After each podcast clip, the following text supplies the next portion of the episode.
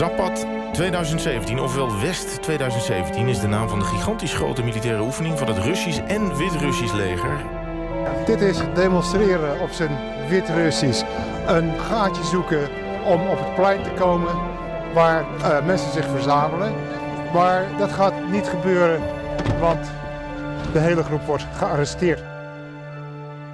Welkom bij de 40ste aflevering van Albanië tot Zwitserland. In deze serie kruisen we heel Europa door en dat doen we op alfabetische volgorde. Vandaag is het de beurt aan Wit-Rusland. Even de Graaf, welkom. Ja, dat is de, de, de, laatste dictatuur van Europa. Ja, dat is inderdaad uh, de laatste dictatuur van Europa. En uh, het heeft natuurlijk een uh, heel bewogen geschiedenis, dat land, Wit-Rusland. Belarus, en dat betekent eigenlijk ja, het gebied van de Oost-Slaven uh, eeuwenlang onderdrukt geweest. Ooit is er in 1385 een Unie van Krevo geweest. Dat was een huwelijk van een grootvorst Jagaila van Litouwen met een elfjarig meisje Hedwig, koningin van Polen. En dat is toen een heel groot gebied geweest. Veel groter dan menigeen eigenlijk denkt. Uh, een machtig gebied ook. En die uh, vorst Jogaila bekeerde zich als eerste tot het christendom. En dan krijgt hij ook een andere naam. Dan wordt hij opeens Vladislaus II genoemd van Polen. En dat betekende dat toen hij zich bekeerde tot het christendom, dat heel veel mensen, toen die nog uh, ja, eigenlijk die uh, Germaanse achtergrond hadden, heiden-Slavische achtergrond, te vuur en te zwaard vervolgd werden. Ze moesten gewoon met het zwaard bekeerd worden tot het uh, katholieke geloof. En ook later, de orthodoxe Wit-Russen, die zijn daar ook eigenlijk de dupe van geworden. En ze moesten ook allemaal verplicht, dat vond hij, Pools leren. En eh, wie niet wilde gehoorzamen, die moest eh, inderdaad dan maar het, ja, het, eh, het voelen dat hij dan echt kaart werd aangepakt. En dat betekende vaak dopen of doden. Eén lettertje verschil, maar kon wel een kop kosten. Ja, en dat is echt, hè, want als we de Wit-Russische geschiedenis vooral in die periode erbij pakken, is het echt, echt een, een, een, een, een golf van onderdrukking, hè, waarin de taal, religie uit het leven wordt gebannen. In die periode hebben voor mij de Wit-Russen ehm, het zwaar.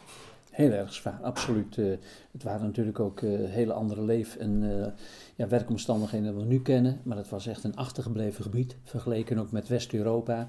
Veel lagere beschaving en ja, veel ruwer, onbeschaafder.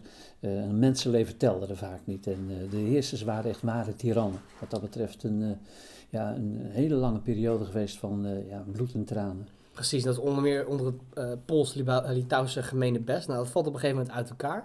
Want dan uh, vergroot Catharine de Grote de, uh, de Russische invloed. Hè, daar hebben we al een keer over gehad. Dat zij ja.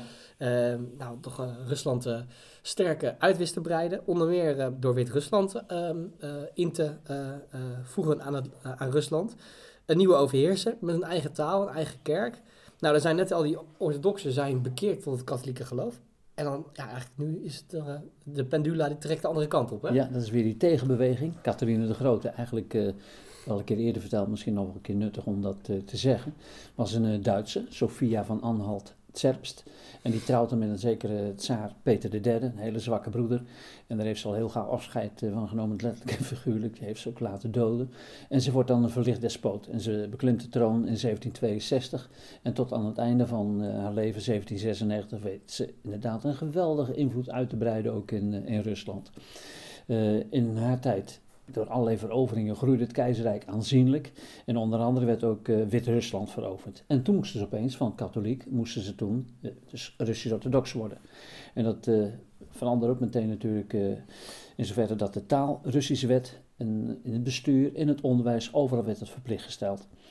Aan de andere kant was ze wel een verlicht vorstin. Hè, alles voor, maar niets door het volk. Had ook Catharine de Grote hele goede schriftelijke contacten met uh, hele bekende verlichtingsdenkers in Frankrijk, Voltaire, Diderot. En uh, aan de andere kant, het leek dat ze dan de moderne kant op ging, maar ze hanteerde ook net zo makkelijk de knoet. En dat is echt een Russisch woord wat ook in ons taalgebruik uh, is opgenomen. De knoet, dat is gewoon een geestel met allerlei weerhaken erin. En als je daardoor getroffen werd, dan, ja, dan moest je het echt bezuren natuurlijk. Maar dat is een vrouw geweest die inderdaad ook niet terugdeinsde voor pogroms. Nog zo'n woord wat in de Nederlandse taal en andere talen is opgenomen. Verwoesting betekent het letterlijk. Als je niet wilde gehoorzamen, werd je echt uh, opgepakt, uh, vernietigd, uitgeroeid. ja, de vrijheden die we de, nu kennen en die we aan de Franse revolutie, Franse verlichting wijden, die wij onder Catherine de Grote is nog niet heel erg doorgevoerd. En nu nog niet in Wit-Rusland. Nee, nee. Ehm, dan breekt de Eerste Wereldoorlog uit, een, een, een, sprong. Um, Wit-Rusland is dan dus nog steeds onderdeel van um, het grote Rusland, tot de vrede van uh, Brest-Litovsk. Ja. Ja, dat is uh, het einde van uh, eigenlijk uh, voor de Russen van de Eerste Wereldoorlog. Ze zaten in het kamp van de geallieerden. En doordat Lenin via een verzegelde trein in Rusland terechtkwam, heeft hij daar een revolutie uitgeroepen. Hè, de oktober- of novemberrevolutie. En dan komt hij niet meteen aan de macht. het is meer een, een staatsgreep, een poets geweest. Dan zie je dat er meteen verzet op komt. En dat is dan de oorlog geweest van 1918 tot 1920. De burgeroorlog tussen de Roden en de Witten waar ook uh, dat boek van Dr. Chivago die film een hele grote rol in speelt. Uh, Trotsky wist binnen de kortste keer een, een, een ja, rood leger op de been te brengen. En Trotsky is ook de man geweest die ging onderhandelen met de geallieerden om tot een vrede te komen. En dat wilden de Duitsers natuurlijk heel erg graag, want dan konden ze heel veel troepen, dat was de bedoeling, als ze vrede sloten in het oosten, konden ze daar bezettingstroepen weghalen en naar het westen sturen om daar misschien nog een overwinning te forceren. Maar uh, ja, toen uh, inderdaad uh, eigenlijk dat hele gebied als het ware in een schoot geworpen werd bij de vrede van Brest-Litovsk. Wat ze daar niet aan de Baltische Staten en Wit-Rusland en delen van Oekraïne dus eigenlijk kregen toegeworpen. Toen wilden ze dat ook niet meteen prijsgeven en moesten ze toch ook weer een groot deel van de troepen daar stationeren om daar grip op te houden. Ja. Dus het was eigenlijk een soort spagaat waar ze in terecht kwamen. Maar het heeft wel ook hele grote gevolgen gehad dat uh, ook toen Wit-Rusland weer werd afgestaan in de Eerste Wereldoorlog, kort daarna aan Duitsland. En die, ik ben nu een biografie over Lenin aan het lezen over die periode. Um, die onderhandelingen met, met, met, met Duitsland, die uiteindelijk tot die vrede um, leidden, ja, dat waren wel zware onderhandelingen. Hè? Dat was wel echt een, vernederende, een vernederend akkoord voor de Russen een heel vernederend, maar dat wilde met name ook uh, Trotsky in opdracht ook van Lenin, want uh, ze zaten natuurlijk uh, echt in die hele zware burgeroorlog waren ze verwikkeld en ze konden zich niet permitteren om op twee fronten te vechten tegen en de geallieerden en tegen de witten. Dat waren allemaal oud generaals van de tsaar die het alsnog voor hem opnamen. Kornilov, Denikin, Wrangel, noem ze allemaal maar op. En op een gegeven moment hadden de Roden niet meer dan eigenlijk het gebied rond Moskou. En leek het eigenlijk uh, ja, gedaan met uh, de macht van de Rode. Ja. En dan wonderbaarlijk, uh, dan zie je dat de geallieerden oorlogsmoe zijn en hun troepen terugtrekken, die ook van alle kanten Rusland waren binnengevallen. In het noorden Archangels, het Engelse, in het zuiden bij de Krim de Fransen, in het verre oosten Vladivostok de, met name de Amerikanen enzovoort. En dan hoor je inderdaad ook in die landen van, we moeten nou eens een keer stoppen met die oorlog. En uh, we trekken onze troepen terug. En dat is hun redding geworden van de Rode. Daardoor ja. hebben ze uiteindelijk ook de overwinning kunnen binnenhalen in 1920, 21. Um, in veel andere landen komt rond die periode ook het nationaal bewustzijn op, eigenlijk daarvoor al. Um, ik lees daar eigenlijk ook bij, bij, bij Wit-Rusland opmerkelijk vrij weinig over. Hoe, ja. hoe komt dat? Ja, hoe komt dat inderdaad? Uh, toch komt er nog heel erg kort even opzetten. 25 3 1918, 25 maart 1918. Dan zie je opeens een wit-Russische volksrepubliek uh, uitgeroepen worden. Maar nog een keer, ze hadden natuurlijk te maken ook met uh, dictaturen. eerst onder de Duitsers, de keizer werd natuurlijk ook afgezet. Maar vervolgens wel ook onder de Roden, onder Lenin. En die moesten er natuurlijk helemaal niets van hebben. De Duitsers niet, maar de Bolsjewieken al helemaal niet. En die hebben dat gewoon eigenlijk uh, meteen de kop weten in te drukken. En dat is inderdaad ook, ja, dus eigenlijk maar van hele korte duur geweest dat dat nationalisme de kop kon opsteken in dat gebied. Ja, nee, precies. En dan komt er dus um, communistisch Rusland, dat, dat komt op de proppen. Um, dat wordt gewoon een Sovjet-deelstaat. Ja, van, precies. De... Ja, en hoe, hoe zat dat dan in, in Wit-Rusland? hoe ging dat, um, uh, ging dat gelijk mee in dat communisme of was het een, een, een lichtere vorm? Nou, dat is natuurlijk een, een leerproces geweest, want op 1 januari 1919 werd de Wit-Russische Sovjetrepubliek uitgeroepen. Uh, en dan zie je ook weer een tegenbeweging ontstaan, in dit geval uh, vanuit Polen. Dan komt er een Pools leger onder leiding van uh, Jozef Pilsudski. Bij Polen hebben we het ook al over hem gehad. En uh, die begint er met een geweldige opmars vanuit Polen. En binnen de kortste keren weten ze ook inderdaad Wit-Rusland weten ze weer te veroveren. En steken zelfs door tot diep in de Oekraïne. En dan komt er uiteindelijk weer een geweldige tegenreactie van de Rode. En ze weten dan uiteindelijk ook de Polen terug te slaan. En weten dan ook inderdaad het gebied Wit-Rusland weer in te lijven. En natuurlijk ook is dat met terreur en met bloedvergieten gepaard gegaan.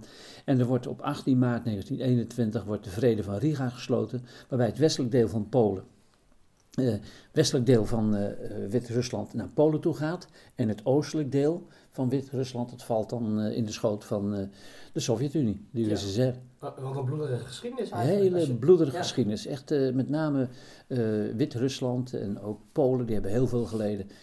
In dit geval ook dat de Polen een kwalijke rol hebben gespeeld onder leiding van de nationalist Pilsudski. Maar dat zijn gebieden geweest waar bovenmate veel bloed vergoten is. Um, in die tijd wordt ook de, de Cheka opgericht. Dat is eigenlijk de voorloper van de, van de KGB. Um, dat is echt een hele beruchte opsporingsdienst uh, geworden. Met als grote man Felix uh, hij is de machtige man en hij komt uit Wit-Rusland. Hij is als bijnaam nou, de IJzeren Felix. Ik weet het niet allemaal. Um, een berucht man. Een zeer berucht man. Ja, een zeer ja, berucht man. Ja. ik denk dat hij in veel landen verguisd wordt voor zijn daden. Maar in Wit-Rusland is het een held.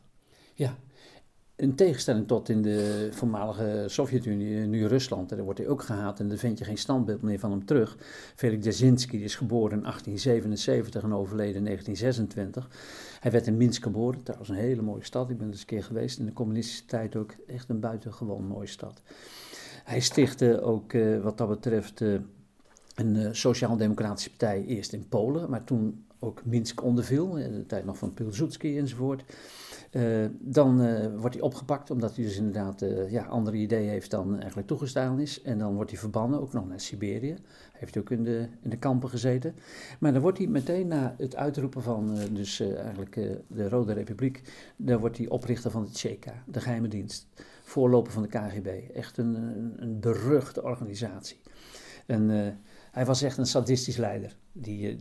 Die heeft ontzettend veel uh, gevangenen opgepakt en die heeft hij laten martelen. En een van de meest beruchte gevangenissen die onder zijn leiding van, van de grond gekomen is, de Lubjanka-gevangenis in Moskou. Wat daar allemaal niet gebeurd is, er zijn boeken over volgeschreven. Gruwelijke martelingen, executies, vreselijk. En daar was hij echt de grondlegger van. Uh, maar dan uh, zie je dus op een gegeven moment dat hij sterft in 1926, ook eigenlijk al deels bij een aantal mensen ook in ongenade geraakt, omdat hij zo onbarmhartig hard was.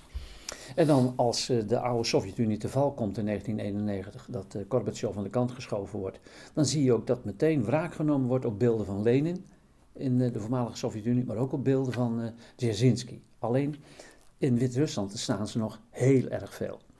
misschien mag ik je een, een leuke mop. Ik vertelde vroeger op eh, school vaak eh, af en toe van die eh, leuke anekdotes, moppen uit de Sovjet-tijd. En ik heb hier een boek voor me, Lachen met rode kontjes. En het gaat over een, een mop over Dzerzhinsky. het gaat in de tijd dat Brezhnev van de macht is, samen met zijn compaan Kosygin.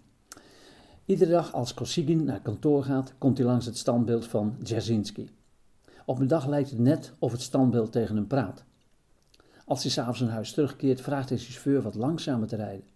En weer lijkt het of het standbeeld hem aanspreekt. Dat duurt zo een paar dagen totdat Kosygin op een middag zijn chauffeur voor het standbeeld laat stoppen. Hij stapt uit de auto en loopt naar het standbeeld en hoort: Alexei, ik ben zo moe. Waarom moet ik staan en mag Dolgoruki, een andere Russische held, rustig op een paard zitten? Kun je er niks aan doen? Ik sta hier al nu al 30 jaar. En Kosygin spoedt zich naar het, Kremlin, stormt het kantoor van Brezhnev binnen en brengt een verslag uit van zijn gesprek met het standbeeld.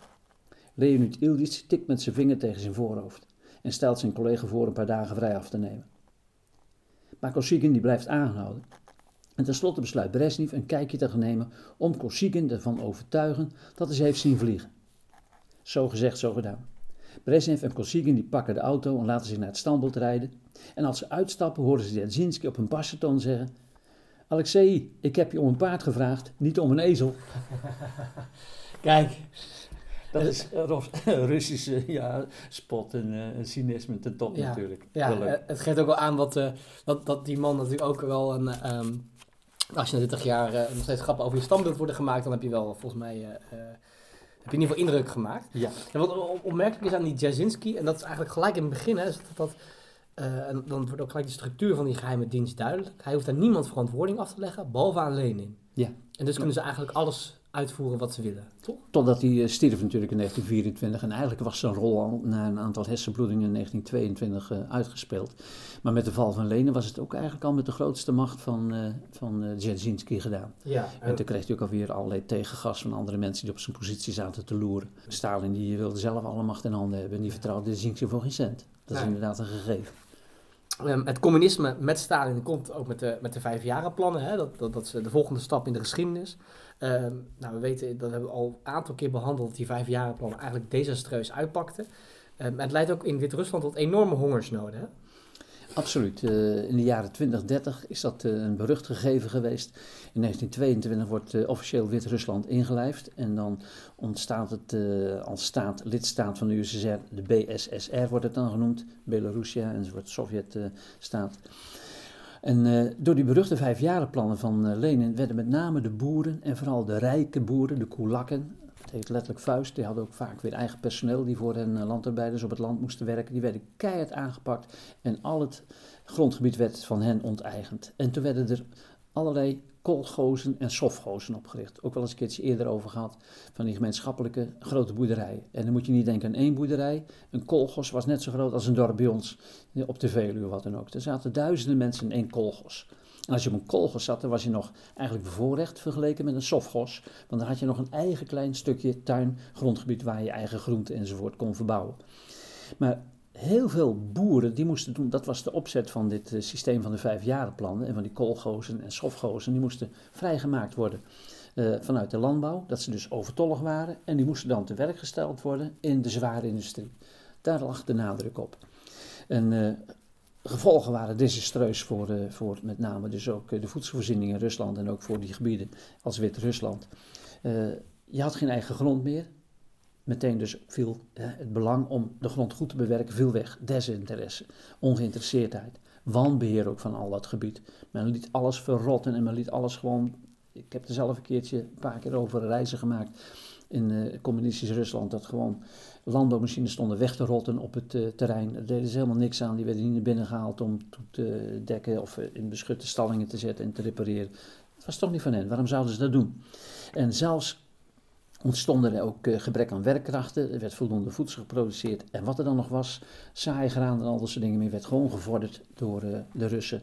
Politieke commissaris die met uh, manschappen het platteland opgingen en daar echt voor een ware terreur gezorgd hebben.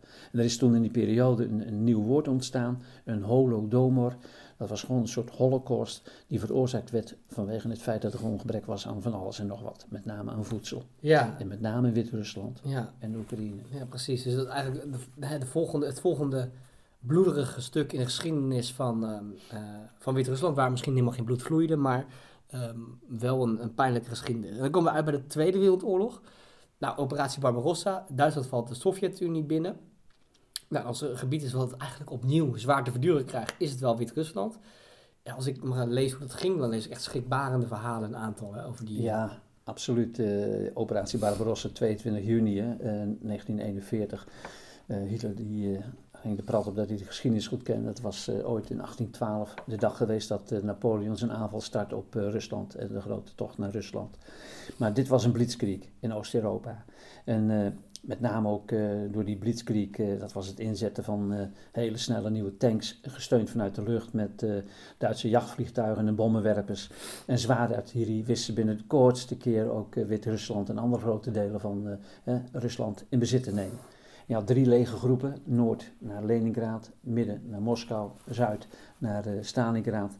En die gebieden die veroverd werden, die werden werkelijk ja, geterroriseerd door uh, speciale eenheden. De, uh, eenheden met name ook van de SS die jacht maakt op Joden, op communisten, op de zogenaamde Untermenschen. En wat is daar niet gemoord toen in die periode? Dat is echt uh, verschrikkelijk geweest. Er is een zeker boek van Littel, ooit heette die Little, een Amerikaan, maar die heeft zijn naam verfranst, De Welwillende. Als je leest wat daar toen allemaal gebeurd is, een hele dikke pil in bezette gebieden in de Sovjet-Unie. Dat is echt angstaanjagend. En nog een keer, bij dat optreden, het bikkelhard optreden van eh, de Duitsers, met name ook van de SS, kregen ze ook nog eens een keertje steun van.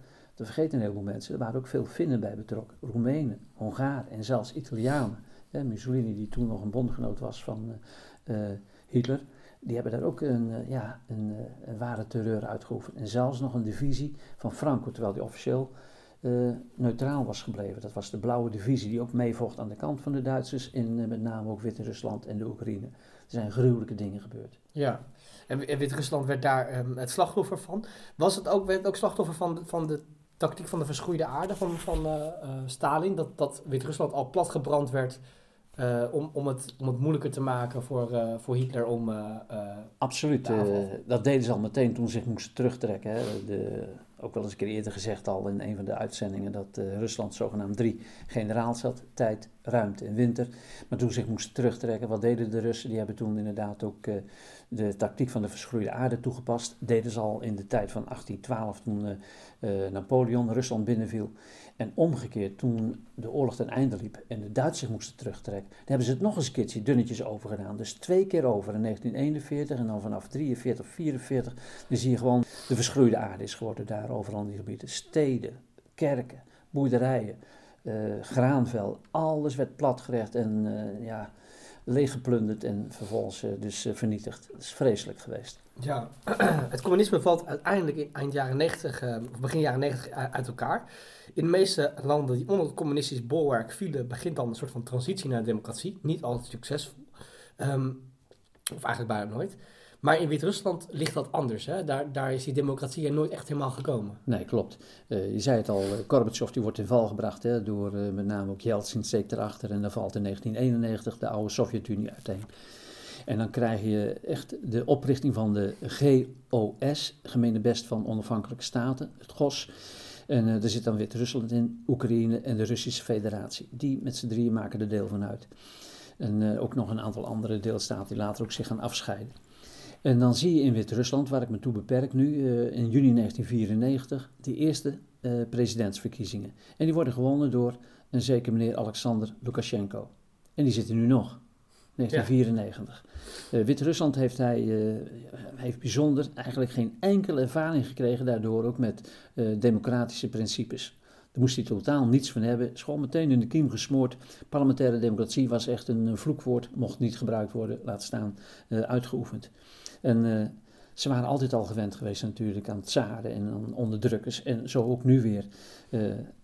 Ze moesten ook onder deze rode tsaar, zo ik wel eens een keer genoemd, deze Lukashenko, de laatste dictator van Europa, moesten gewoon onder de knoet van hem doorgaan. En wat dat betreft uh, hebben ze het ontzettend moeilijk dat ze totaal geen enkele vrijheid uh, gegund is door deze man. En wat, wat, is dat voor een man, die Lukashenko?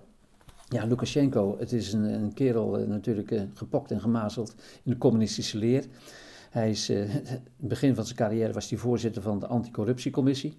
Nou, als er één corrupt figuur is, dan zei het wel. Dus hij heeft het goed geleerd en afgezien hoe het allemaal kon en hoe het uh, ja, allemaal uh, functioneerde. Hoe je, niet, hoe je niet gepakt moet worden. Ja, ook dat soort ja. dingen. En hij zet dan gewoon een aloude traditie voort uh, en wordt dan de nieuwe dictator. En wat doet hij als eerst? Hij ontbindt het parlement. Daar heb je alleen maar last van natuurlijk. Dan moet je verantwoording afleggen. Dat wil hij niet. Hij maakt het Hoge Rechtshof, maakt die monddood. Iets wat je nu weer in Polen ziet gebeuren. Ja. En hij zorgt dat er in 1996 een nieuwe grondwet komt en hij krijgt daarbij de absolute macht. En uh, er komt censuur, de geheime politie speelt een hele grote rol, terreur, al dat soort dingen meer. Een dictator van het oude stempel en het is werkelijk uh, een, ja, een, een, heel slecht land om in te leven, laat ik het zo maar netjes zeggen. Ja, nee, precies. Um, dan is het um, eigenlijk alle landen in Oost-Europa, die zijn inmiddels nou, minder op, op Rusland gericht, of hebben zelfs, neem echt zijn echt anti-Rusland geworden. Nou, Wit-Rusland, dat zit een beetje in de naam, maar uh, dat zeker niet, want het is echt op, op Rusland gericht, hè? Ja. Uh, Wit-Rusland onderhield een nauwe band met, met Rusland. Uh, Lukashenko met name had hele goede banden met Yeltsin en nu ook weer met Poetin. En deels ook noodzakelijk, hè, want ze zijn wat dat betreft uh, helemaal met handen en voeten gebonden aan, uh, aan Rusland. Vanwege het feit dat ze zelf geen olie en geen gas hebben. Dus ze zijn afhankelijk van die energievoorziening van Rusland. En uh, het is natuurlijk ook hun voornaamste achterland voor het voeren van handelsbetrekkingen. En het is ook op een voorstel van Poetin in 2000 gebeurd dat uh, Wit-Rusland is uh, eigenlijk uh, voorgesteld van kom toch eigenlijk deel uitmaken van de Russische Federatie. Met een Russische grondwet, Russische taal, een Russische munt en roebel. Maar daar heeft hij toch een stokje voor gestoken. Dat ging hem toch een stap te ver. Dat wilde hij absoluut niet. Hij wist dan meteen als dat zou gebeuren, dan zou zijn rol uitgespeeld zijn. Want ja. er was er maar één sterke man, dat is Poetin. En dan had hij niets meer te vertellen. Dus dat heeft hij steeds op afstand weten te houden. En in 2015 zijn volgens mij de laatste verkiezingen geweest. Helemaal geen vrije verkiezingen, allemaal geregeld en ja, geregisseerd van bovenaf. En Lukashenko, verwonderlijk, wint met enorm grote overmacht. Daar hoef je inderdaad geen, je hoeft geen uh, wetenschapper te zijn om dat, om dat te verklaren. Ja. Um, dan is er dit jaar de leegoefening uh, Zapat 2017. Dat is eigenlijk een defensieoefening tussen Rusland en Wit-Rusland. Uh, enorm groot. Is dat een reactie op de NAVO-activiteiten in Oost-Europa? Ja, wel leuk om te vertellen dat Zapat, ik, ben, ik spreek helemaal geen Russisch, maar ik heb het ergens opgezocht of gelezen, dat betekent het Westen. En er is altijd door de eeuwen heen altijd een angst geweest in Rusland voor het Westen. En dan kijk je al natuurlijk naar Karel XII van uh, uh, Zweden, dan kijk je naar Napoleon, dan kijk je naar de Eerste Wereldoorlog, Tweede Wereldoorlog. Altijd werden ze aangevallen door het Westen. En uh, nu ook weer, sinds de Koude Oorlog voorbij is, zeg men dan, zie je dat natuurlijk de NAVO oprukt. Heel veel van die staten die vroeger in de Russische invloedssfeer lagen, hè, de Baltische staten, noem maar op, en Polen, die zijn allemaal ook lid geworden van de NAVO. Dus ook de Russen, die worden toch wel weer een beetje beangstigd door het oprukken van hè, het zogenaamde Vrije Westen. En dan willen zich tegen verweren en proberen natuurlijk ook bondgenoten te, zoeken. En die vindt dan natuurlijk Poetin met name ook in Wit-Rusland. En daar in Wit-Rusland en ook eh, deels in uh, uh, andere gebieden, ook Oekraïne geloof ik zelfs nog, maar dat is niet helemaal zeker of dat er ook bij betrokken is, hebben ze hele grote militaire oefeningen eigenlijk op poten gezet om te laten zien, want wij zijn er ook nog. En ook angst aanjagen natuurlijk aan de Baltische Staten, Estland, Letland en Litouwen. En ook aan Polen. En die doen dan natuurlijk weer een beroep op de NAVO. En je ziet dat daar op het ogenblik ook een aantal uh, militaire operaties georganiseerd worden om tegendruk te bieden aan de Russen die daar met, er gaan geruchten, in de kranten staat dan 12.000 mensen, maar er gaan geruchten dat er wel meer dan 100.000 mensen aan die troepenbewegingen en zaken meedoen, eens in Rusland. Dus het is best wel bedreigend. Nog nooit eerder, sinds de Koude Oorlog zelfs nog niet eens, zijn er zulke grote militaire oefeningen gehouden als in het kader van operatie Tsapat. Ja, dat, dat zegt natuurlijk genoeg over de spanningen die er Pure intimidatie ja. van, van met name ook Poetin. En wellicht ook wel te begrijpen als die intimidatie er andersom ook is met de NAVO-oefeningen aan de grens. Ja. Dat zou ik ook uh, lichtelijk uh, onrustig worden. Bedankt voor deze uitleg over uh, Wit-Rusland. En de volgende aflevering komen we bij de laatste letter van het alfabet, de Z. Ja.